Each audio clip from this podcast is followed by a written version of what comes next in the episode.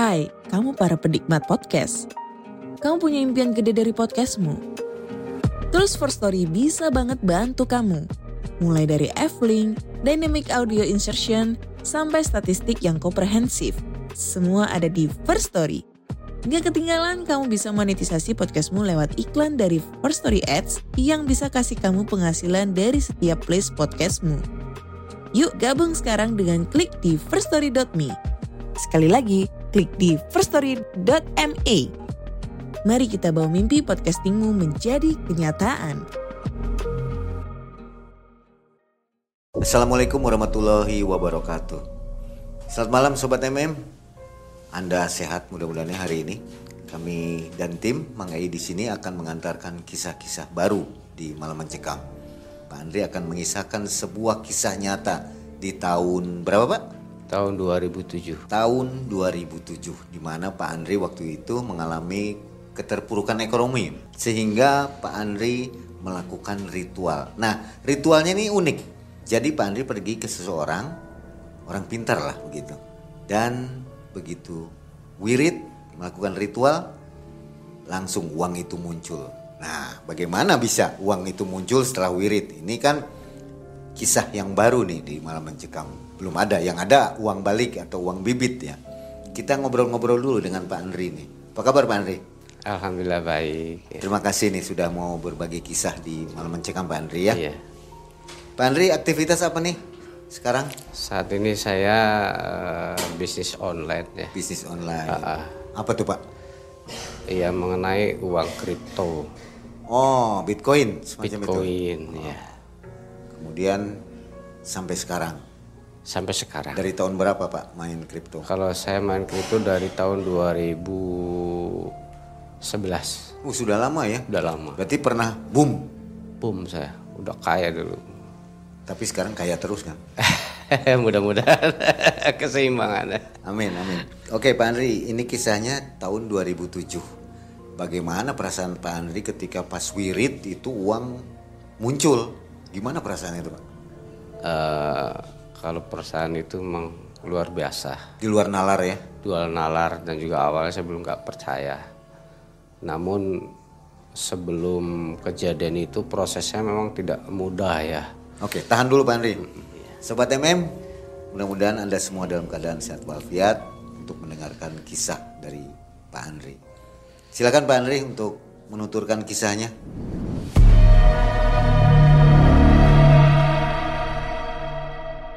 Awal saya eh, diperintahkan sama bapak mertua saya itu untuk datang ke ahli spiritual untuk masalah keuangan. Sampai di sana saya sampaikan pesanan mertua saya, tapi dia hanya kasih rokok ke saya satu batang, rokok Samsu. Disuruh diberikan kepada mertua saya. Namun mertua saya hanya butuhnya uang, tapi pas kasih rokok, mungkin sedikit kecewa.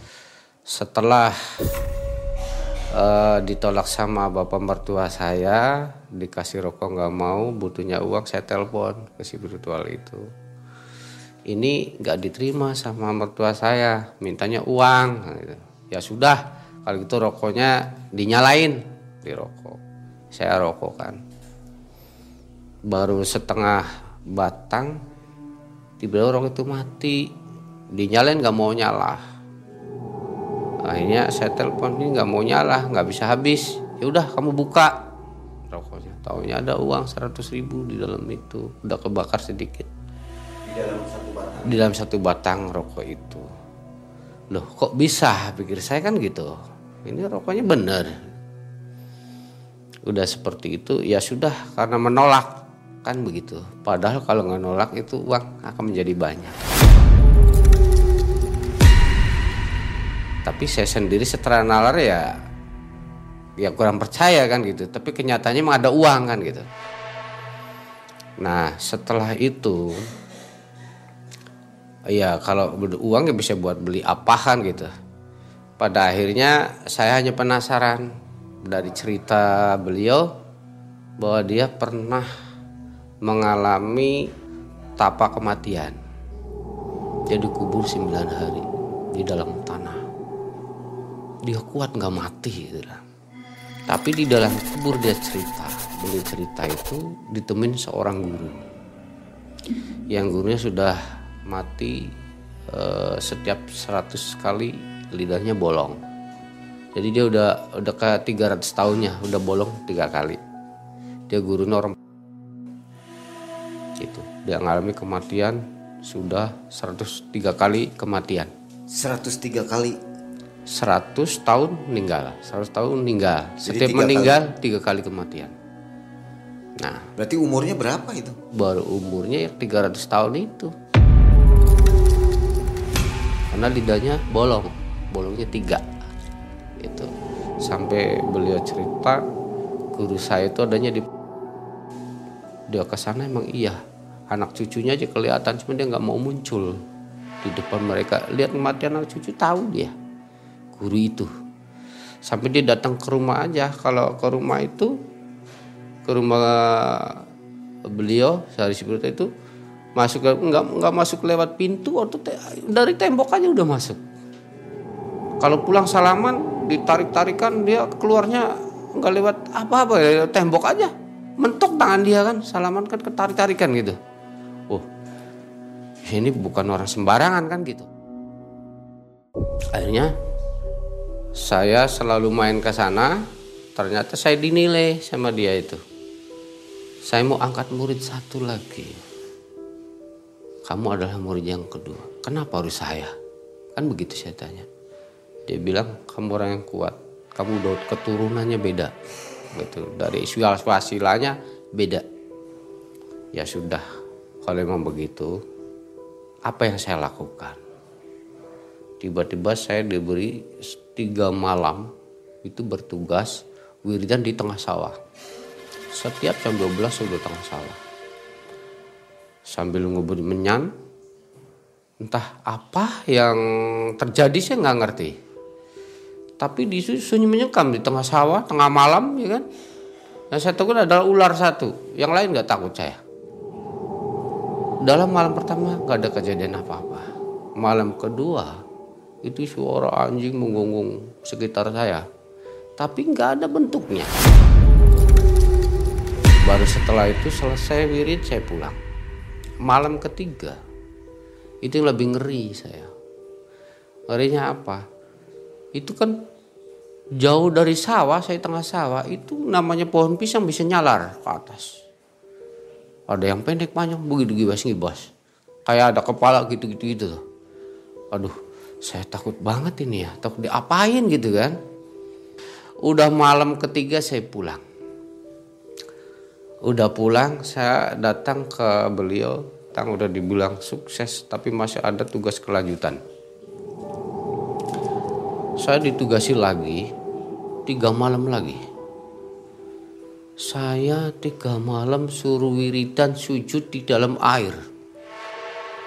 Logika saya orang sujud di dalam air itu kan pasti kambang ya.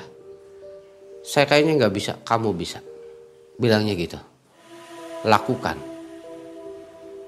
Waduh saya ya udahlah nggak apa-apa. Malam pertama saya cari sungai yang dalam yang gede. Saya mau jebur ada keraguan. Takut ada ular gede matilah saya. Ini alam. Saya paginya datang lagi. Jangan di sungai gimana? Kamu cari tempat yang menurut kamu aman. Saya tiba-tiba datang ke Pleret di Gamal. Itu di rumah Abah. Abah Tori Kiai Sepuh di situ. Itu bak wudhunya itu besar sekali di musola itu. Nah pikir saya enak nih buat sujud kan itu akhirnya saya datang lagi ke sana. Gimana kalau di bak man bak wudhu yang gede saya sujud di sana? Nggak apa-apa. Yang kamu yang penting kamu sujud di dalam air. Ke barat ke utara ke timur selatan baru ke barat lagi jadi saya bilang Pak Kiai gimana ini saya pakai tapi saya nggak nggak nggak boleh dilihat sama orang di malam nggak boleh ketahuan orang kalau ketahuan orang batal kan gitu Apa tuh nggak apa-apa. Santri saya saya tidak boleh tidur sini selama kamu melakukan ini tiap malam. Akhirnya saya malam itu habis Isya sudah nyampe situ. Meyakinkan kira-kira santri nggak tidur di situ. Abah menginstruksi, kamu jangan tidur di sini. Sampai saya memperbolehkan, kata Abah itu. Akhirnya saya coba. Wirijan siapkan, saya sujud di dalam air. Ke barat, ke utara, ke timur, ke selatan. Baru bangun. Wiridan itu. Tapi yang membuktikan saya itu awalnya ragu bahwa saya bisa sujud dalam air. Karena orang punya napas saya pasti ngapung. Tapi saya kok bisa? Manusia bisa saya. Itu tinggi air berapa meter? Ya ada satu meternya lah. Baknya tinggi kan, dalam. Jadi nyelam ya? Nyelam saya. Itu semalaman pak? Enggak pak, sampai selesai wiridan paling jam satu selesai. Kira-kira berapa jam? Enggak nyampe satu jam lah. Seperhitungan sampai selesai. Sujud, bangun, sujud, bangun, sujud, bangun, sujud, gitu. Oh, ngangkat dulu, keluar dulu. Wah enggak pak, duduk. Enggak napas saya. Duduk di dalam air. Di dalam air. Kalau ngapung ya namanya ngulang lagi. Enggak boleh ngapung pak, enggak boleh. Emang saya nyilam. Kayak orang dibandulin batu. Kira-kira durasi kurang lebih 15 menit lebih lah. Kurang lebih segitu. Di dalam air. Di ya? dalam air. Tapi saya kuat. Padahal satu menit aja saya belum tuh kuat aslinya. Saya juga kok bisa kan gitu. Di luar nalar saya. Tapi dia bilang kuat, bisa, bisa. Kan seperti itu. Nah akhirnya saya ditelepon, sana datang. Malam pertama hasil tuh. Kamu salah. Diulang lagi. Gagal yang pertama.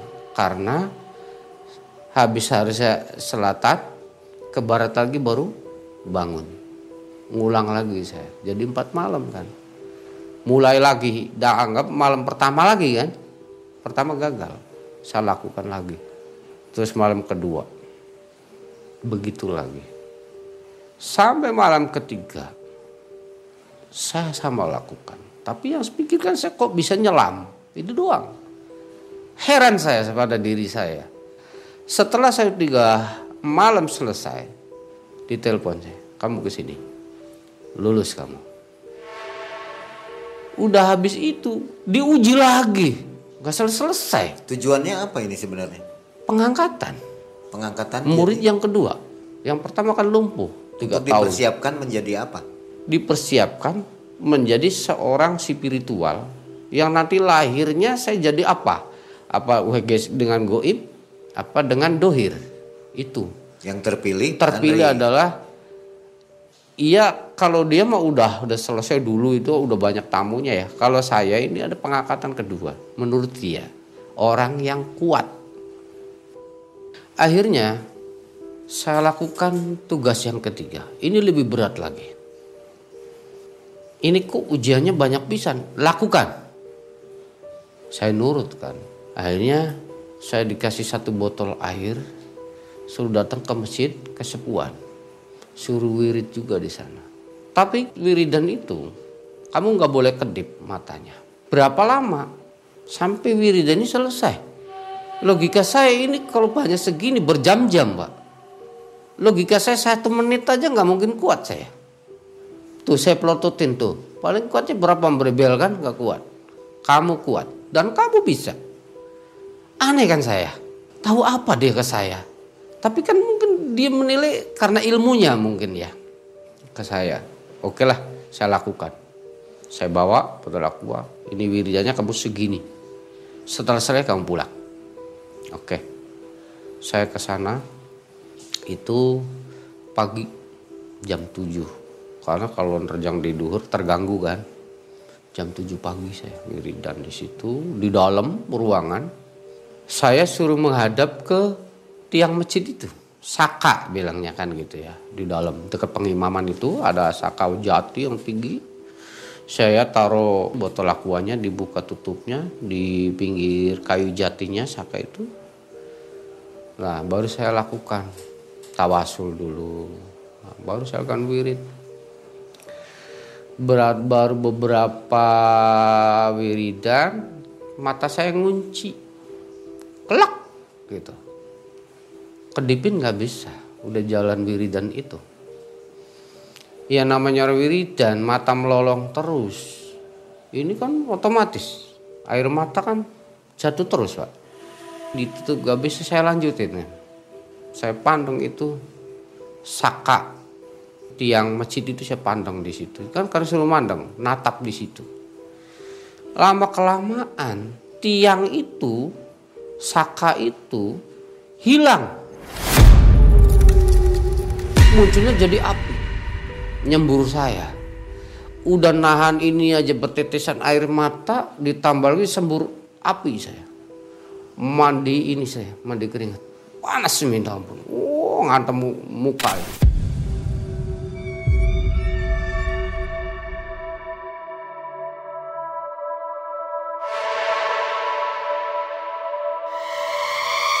Kalau saya geseng-geseng lah dibilang tapi iranya nggak apa-apa gitu. Cuman kejadian itu luar biasa panas minta ampun. Nahan panas seperti ini cucuran air mata saya. Ditutup pun nggak bisa. Kalau bisa ditutup saya selesai nggak kuat. Tapi ini nyatanya nggak bisa ditutup. Kalau kurang lebih satu jam lah saya wiridan itu. Setelah selesai itu nutup sendiri matanya Terus tiang itu muncul lagi. Suasana adem lagi. Tapi keringatnya sudah banyak saya. Udah selesai. Saya tutup botol aqua. Saya langsung ke sana. Laporan. Bagus. Lulus lagi katanya. Kamu kuat. Ya sudah. Kalau begitu kamu rambutnya gondrong dipotong dulu. Tapi botol ini taruh di sana di bawah pohon serai. Di pohon serainya kan tinggi tinggi itu. Di halaman rumah taruh di bawah potong saya di depan itu. Baru sebelah cuman namanya potong rambut kan mingar mingar kan gitu ya. Tapi saya lihat botol aku loh kok jadi merah? Tuh itu botolnya jadi merah airnya. Udah selesai dulu potongnya kan gitu. Selesai potong rambut saya suruh mandi. Kan habis dipotong mandi keramas selesai pakai baju lagi ambil tuh botolnya.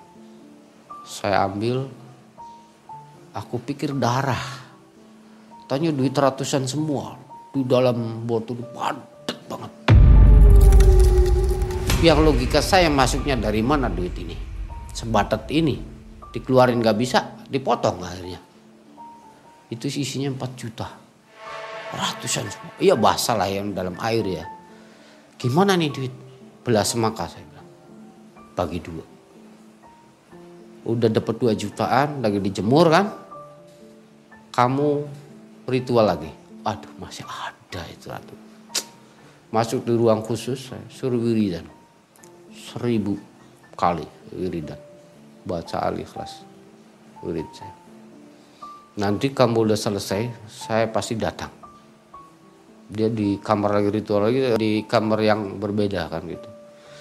Saya wiritan pas selesai dia nongol. Lu kok tahu ya saya selesai kan gitu? Udah selesai kan? Iya. Lulus. Udah itu. Yang bikin saya ini aneh itu dipegang kepalanya sama dia.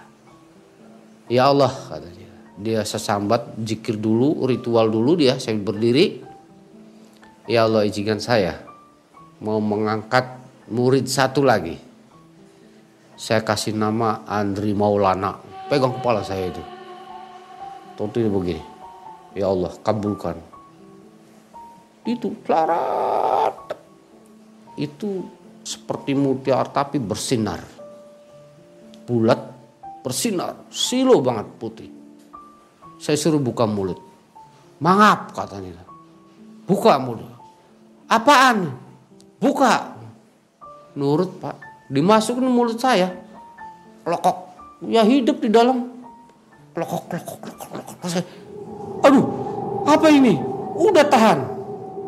Saya merasa aneh di badan saya kan lekekan begitu kan. Lalu saya lemes, diem aja. Udah kamu keluar. Saya pulang ke rumah, lumpuh saya tiga hari. Untungnya udah dapat 2 juta. Itu sangunya mungkin ya. Persiapan saya selama lumpuh. Nggak bisa jalan. Nggak bisa jalan lah. Sholat ada duduk saya. Ngelemprok pak. Nggak kuat nahan tubuh saya. Panas dingin. Udah tiga hari ada rasa ada tenaga. Empat hari, lima hari saya pulih. Itu saya datang ke sana lagi. Saya jadi lemas waktu itu tiga hari. Saya tahu katanya gitu. Emang itu ininya beban setelah menerima ini. Kamu masih mending tiga hari lumpuh. Murid saya yang pertama tiga tahun masukin tombak sama saya, bilangnya gitu. Tombaknya menyolot, tancepin, masuk ke dalam mulut. Lumpuhnya tiga tahun, kamu termasuk kuat. Ada tugas lagi. Aduh, ini lebih berat lagi.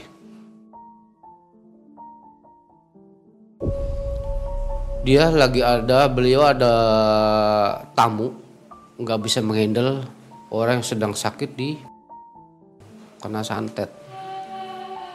Yang perutnya ini hitam, bolong, tembus busuk di dalam. Saya suruh ke sana. Ini bawah kelapa mudanya, kamu kupas dulu di sini. Nanti kelihat batoknya baru kupas tuh batoknya. Sampai sampai dicungkil itunya keluar ada airnya. Nanti prosesnya gimana saya bilang? Kau bacanya ini. Telunjuk kamu nanti sampai sana ditusukkan ke perut yang bolong, tangan kamu masukin ke kelapa. Jadi kira-kira nyalur kesedot masuk ke dalam air kelapa. Oke lah, itu mah enteng pikir saya kan gitu. Saya ke sana. Sampai sana saya lihat orang itu memang, waduh, udah luar biasa, gosong di sini. Kasihan lihatnya. Mbak awalnya apa?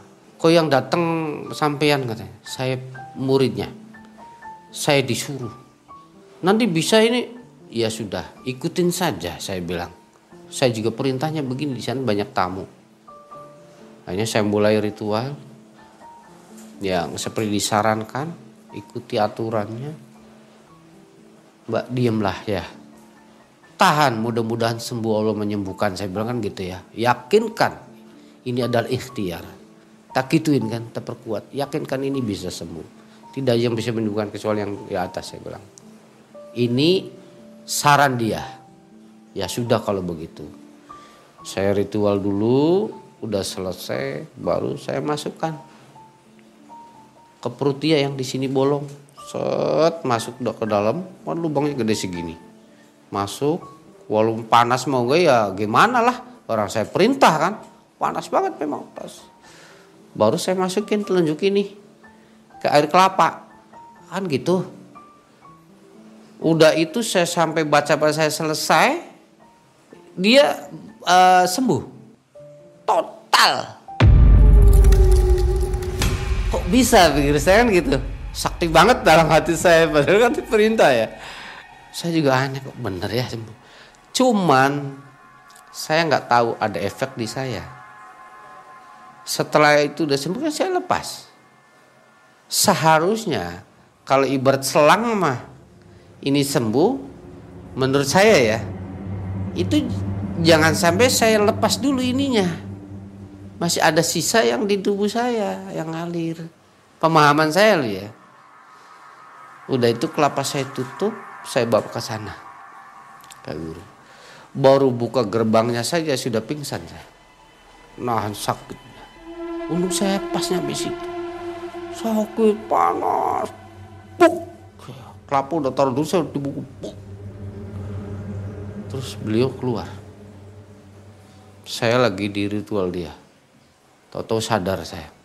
Tapi saya masih menahan sakit. Sakit panas. Panas sakit. Saya nggak kuat. Mati saya kalau begini. Udah sabar. Kamu lihat tidak ada cecek. Iya kelihatan. Saya gini saking sakitnya Tahu dia ritual. Kamu saya tarik sakitnya.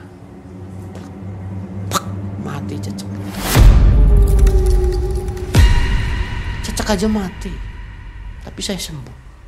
Di situlah saya. Kontan Kejadian. ya. Kontan mati pak. Pada akhirnya sudah berjalan satu bulan, dua bulan, saya masih punya kaitan setoran motor. Tiga hari belum bayar ditelepon terus. Duh gimana saya nggak punya duit. Jadi saya datang. Tuh. Saya nggak punya duit. Buat bayar motor. Waduh saya aja nggak punya duit katanya gitu. Kalau saya dulu masih nggak kena dam, itu saya bisa datangkan duit sendiri karena saya punya ilmunya dan saya bisa bisa buka kunci mendohirkannya Kata guru. kata guru saya. Kena dam ini berarti Kena penalti gitu. kena dam itu dia punya istrinya tiga, yang satu selingkuh. Senjata keramatnya ada di rumah istri kedua.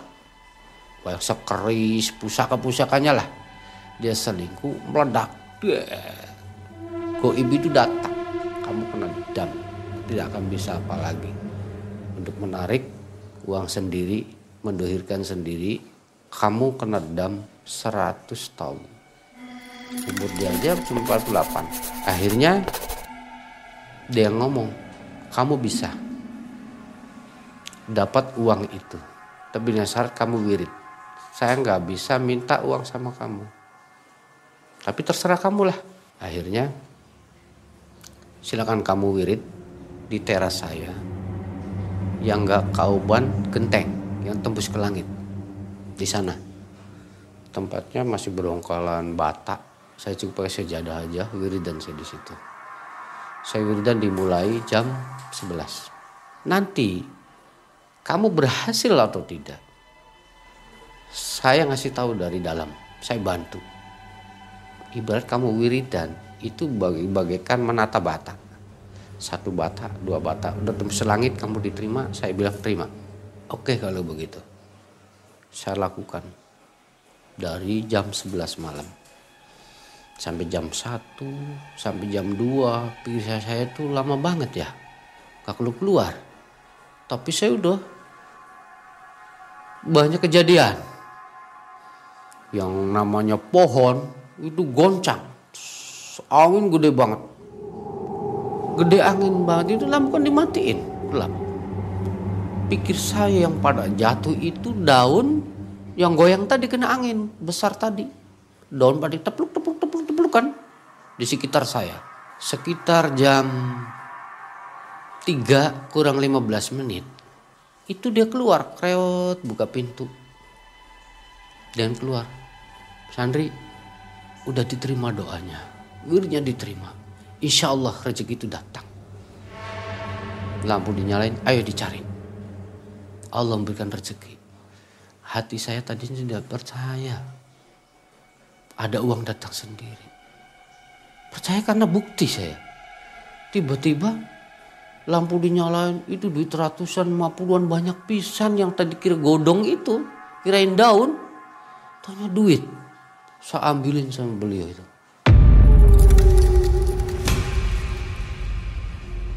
dihitung 5 juta. 5 juta ini duit beneran enggak ya? Kan gitu logika saya. Udah dihitung-hitung dapat sekian. Bagaimana nih? Belas semangka saya bilang. 2 juta setengah. Nah, habis subuh saya pulang kan bawa uang. Paginya saya bayarkan. Bener duitnya ditaruh di bank bener duitnya. Kalau saya menerima uang kalau emang ini palsu tentu di bank nggak diterima kan? Ini bener. Nah setelah itu di bulan kemudian saya butuh uang lagi.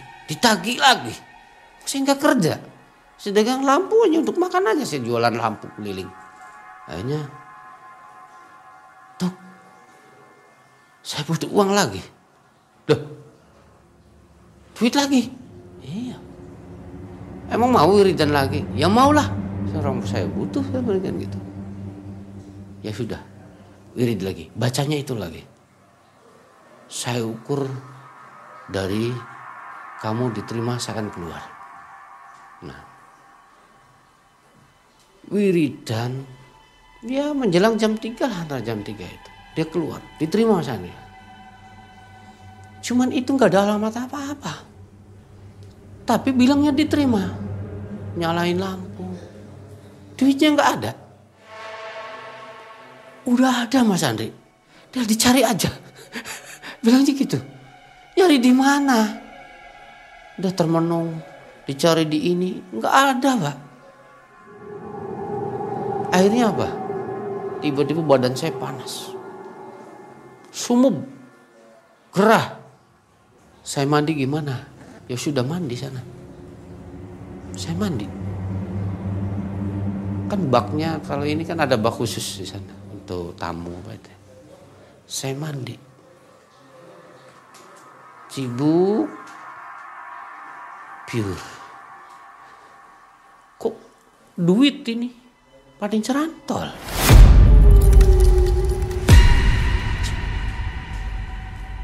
Duit lagi masuk aja di bak sambilin duit tuh. Wah ini duit luar biasa. Ya basah. Petari air. Nah saya ambilin saya kumpul saya kepal-kepal tuh. Kumpulin sampai habis. Tiga juta setengah dikeletek tuh ini duitnya dapat. Dari mana pak? Mandi saya bilang gitu. Alhamdulillah rezekinya ketemu dicari-cari susah. Ini kok datangnya rezeki cara gaib kok begini ya? Kan begitu dalam hati saya. Macam-macam udah itu di ini saya pulangnya siang karena harus kering dulu. Nah udah siang kering dibagi dua pulang saya kan. Nah cuman yang habis pikir itu ini duit kok kok bisa sih kan orang bilang uang goib nggak ini kan gitu ya. Yang bilang nggak nyata yang nanti ada resiko yang ini itu kan. Ini enggak ini dari lahir keajaiban Allah yang kuasa. Semua hal yang tidak mungkin bisa mungkin. Kalau saya harus berpikir kalau saya memperkaya diri dengan cara itu pegel Pak kalau sepanjang itu saya butuh uang. Selalu begitu pegel Pak Wiridan.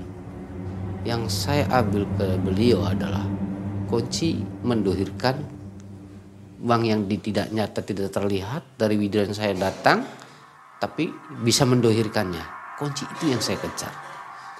Walaupun saya murid yang begini juga akalnya sehat kan? Kenapa nggak minta bibitnya aja kan gitu? Nah, bulan berikutnya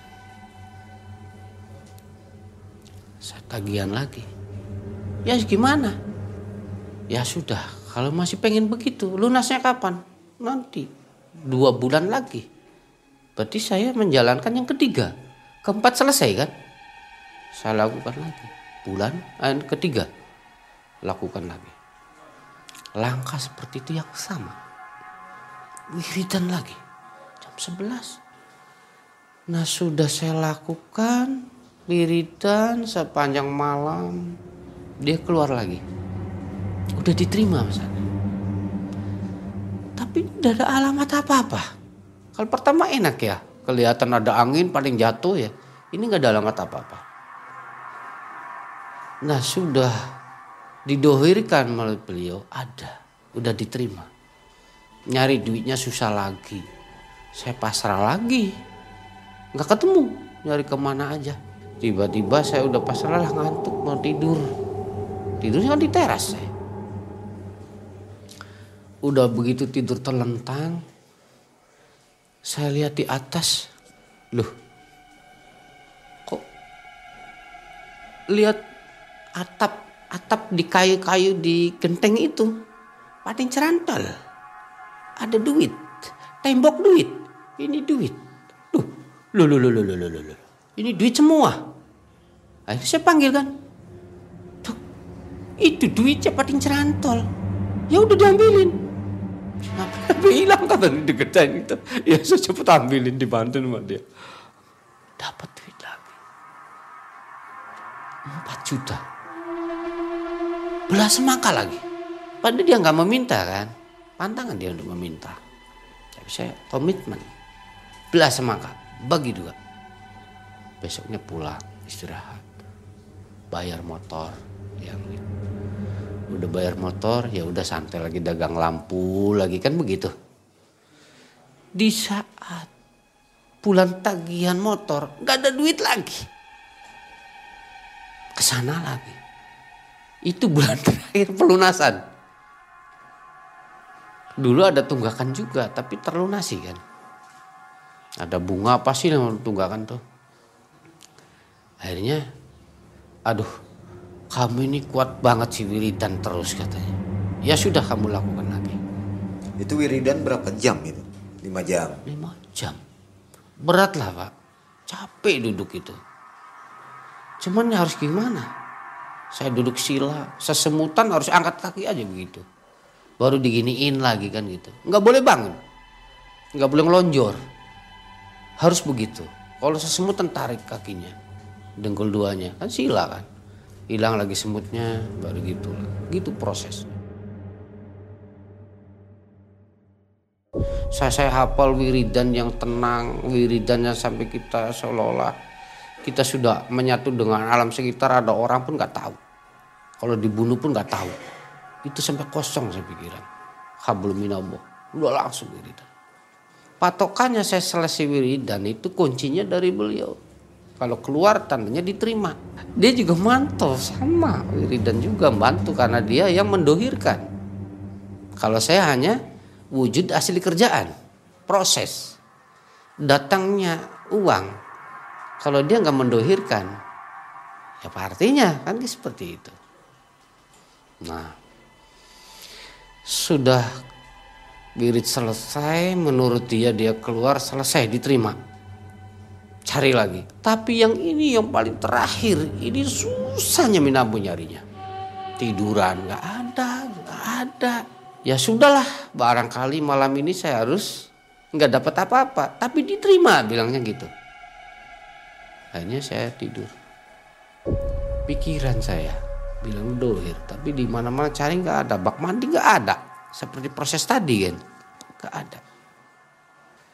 Akhirnya saya udah pasrah lah barang ini bukan rezeki saya sudah pasrah bener tiba-tiba saya lagi tiduran telentang itu ada ular segede apa nabrak kaki saya Buat, ya Allah, ular sepanjang ini nabrak saya. Larinya ke tumpukan bata. Lari ke situ. Ini ular apa? Tiba-tiba hilang ke sana kan gitu. Cuma saya takutnya karena dibebalin gigit saya bagaimana lagi tidur kan. Saya gedor. Tuh keluar tuh. Apa? Ada ular nabrak saya segede apa segini nih nabrak aku mental sekali saya. Larinya ke mana? Ke sana tumpukan bata. Ayo dicari bahaya ini. Ayo tak cari kan. Pakai baterai. Tempat bata saya saya bongkar satu bata. Loh, duit. Saya ambil lagi. Buka tumpukan duit lagi. Deh. Ini banyak. Tumpukan bata banyak. Nyarinya si ular tapi duit lagi. Sampai 10 juta. Terakhir pesangonnya gede banget. Duit pak. Duit kertas. Ya Allah bisa godek aja. Siapa yang masang uang di sini? Mungkin itu ular tadi nggak ketemu itu adalah alamat menurut saya. Ularnya nggak ada, nggak ada lubang, nggak ada apa itu kan tembok. Rumahnya kan sekitar tembok, tergelinding tembok. Itu tumpukan bata. Duit semua pak, buka lagi duit. Ya Allah, di bawah 10 juta pak. Akhirnya gimana nih? Belas semangka setengah. seperti itu saya. Itu nilainya pas ya 10 Pas juta. 10. Enggak 10 juta berapa gitu. Enggak, 10 juta pas semua hitungannya. Genap ya? Genap dibagi duanya pas terus. Saya bisa nyelesain motor, BPKB, tunggu akan selesai kan. Nah, seperti itu. Nah, setelah itu selesai baru beberapa kemudian saya ditugaskan untuk pasang satelit. Satelit itu apa? Saya bilang satelit satelit pala apa di itu. Satelit dia menurut dia tuh beda nih. Biji tasbih batu satu. Suruh dipasang di pinggir gunung. Ada kiai itu minta gunung itu mengandung kandungan emas. Kamu pasang satelit itu saya nurut kan diperintah bawa batu satelit katanya. Nanti satelit itu ditaruh di gunung itu di tanah itu dikubur di situ. Nanti dipantau sama dia di ritual di rumah. Katanya banyak kandungan emas kan gitu. Gunung mana ini? daerah Oh di iya Cirebon sana. Nah memang saya ambil sih pasirnya cuman saya cek di teman saya ahli buat emas itu bakar pasir emas itu digiling tuh kadar emasnya kecil. Kalau dihitung dengan proses modal itu gedean modal sama hasil emasnya cuma kalau beliau pantau dengan spiritual itu itu ada mahkota. Mahkota kerajaan atau kerajaan apa dulunya yang tertimbun di situlah. Atau zaman perang jatuh atau gimana nggak ngerti ya. Akhirnya saya mau beliau ke sana di ritual kesedot pak.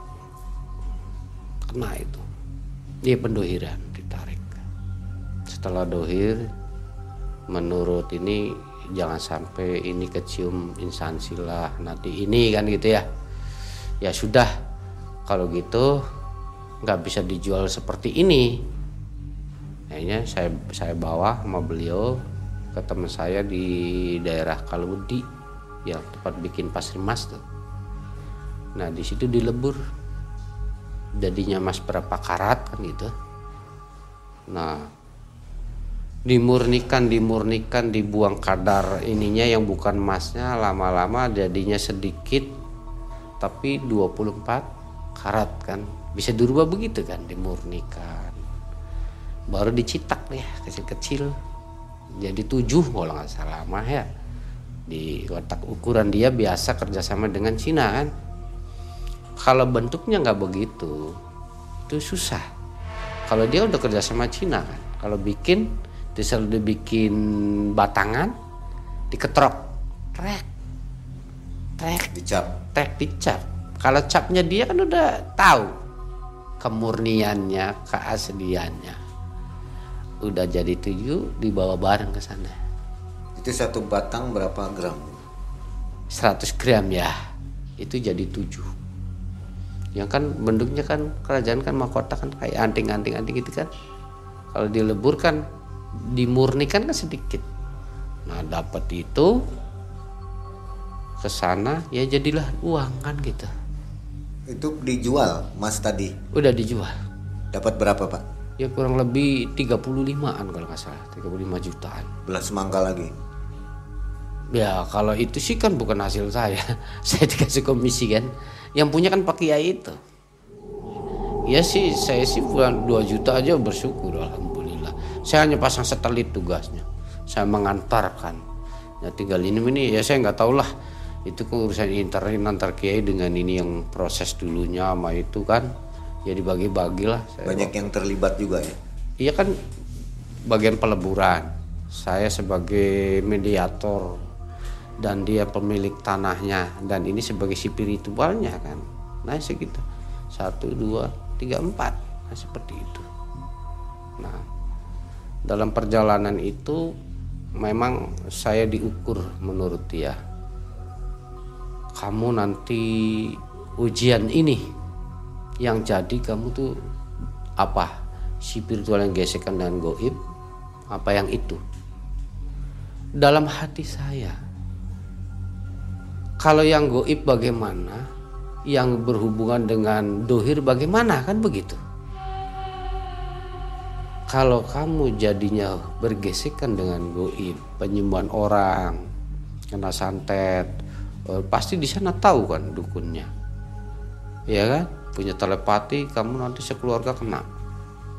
Kamu harus punya bentengnya ini ini ini. Tapi tetap kamu keluar ketemu dengan goib itu selalu melihat dan ketemu. Kamu akan ada gesekan antara energi goib dengan dohir. Daya tarik. Kamu umur tidak akan lama. Begitu ngomongnya. Coba kamu kalau nggak tak buka kamu sekalian ya sudah saya pengen tahu kan gitu kamu masuk dalam goib sama saya. Tapi siap dulu. Kamu tulis tulisan Allah di sini. Kamu jilat. Ini alifnya kan begitu ya. Ini H kan. Kalau lihat tulisan Allah kan begitu. Saya jilat. Ini untuk apa?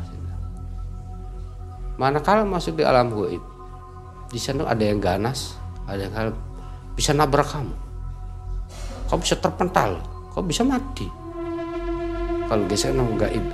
Kamu udah nggak di alam nyata lagi masuk alam goib karena saya ingin tahu ya udah kamu masuk yuk sama saya. Dibuka sama dia. Saya nggak ketemu alam nyata lagi udah. Ada di dalamnya di sana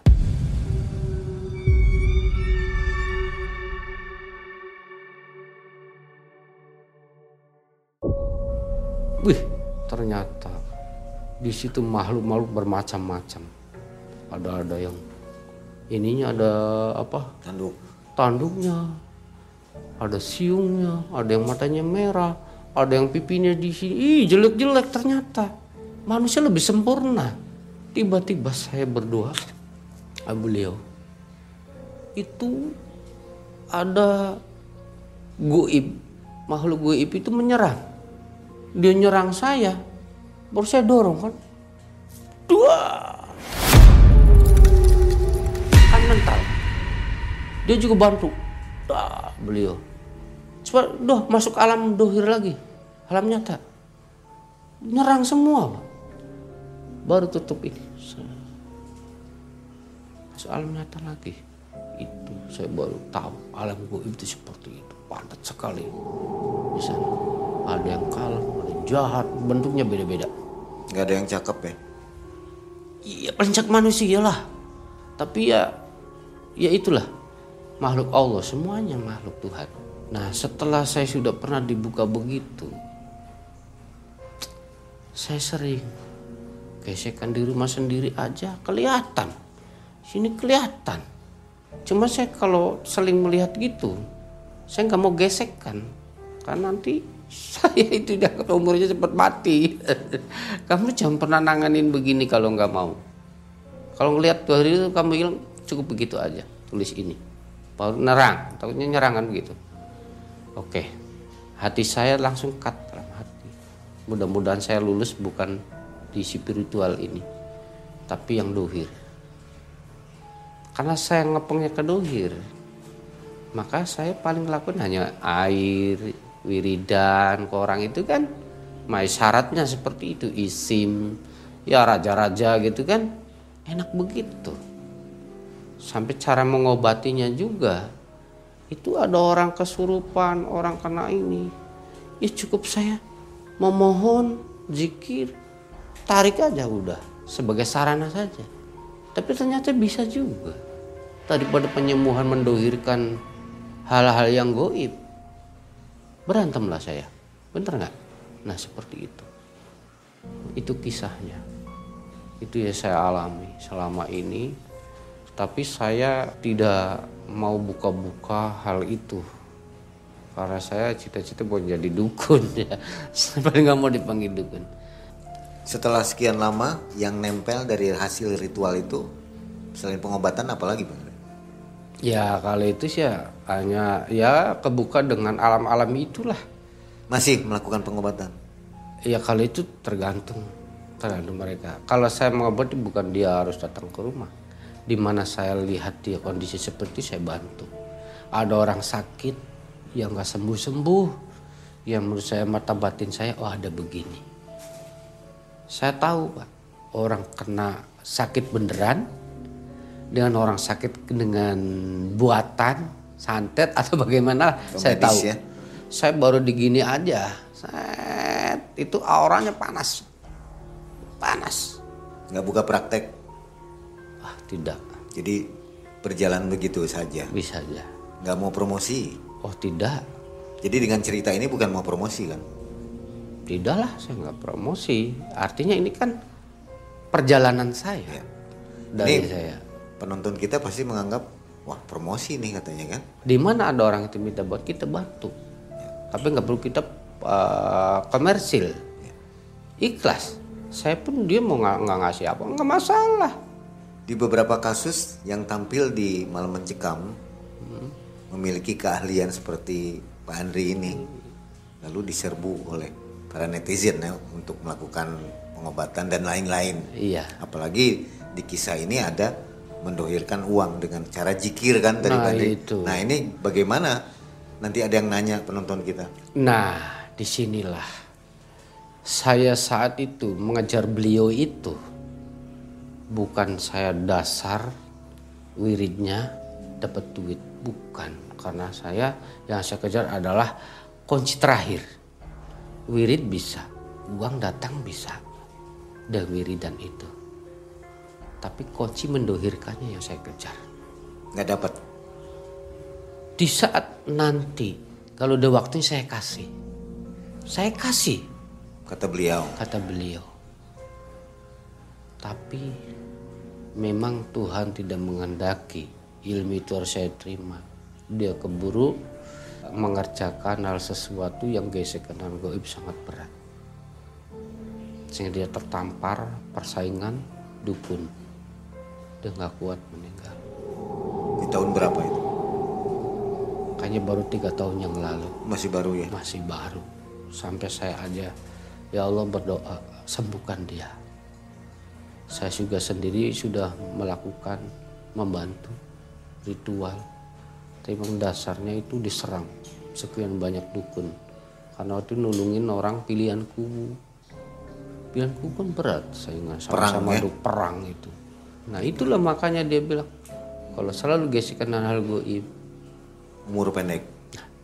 Terima kasih Pak Andre, kisahnya sangat mencekam dan memberi tambahan informasi kepada kita semua. Iya. Sobat MM, bagaimana kisah perjalanan spiritual dari Pak Andre? Menarik bukan? Nah kalau ingin tanya-tanya silahkan komentar di bawah. Nanti Pak Andre juga ikut nimbrung ya, ikut berkomentar. Terima kasih Pak Andre Ya, sama-sama. atas kisahnya ini. Akhirnya Mang Ei dan tim mundur diri. Assalamualaikum warahmatullahi wabarakatuh. Waalaikumsalam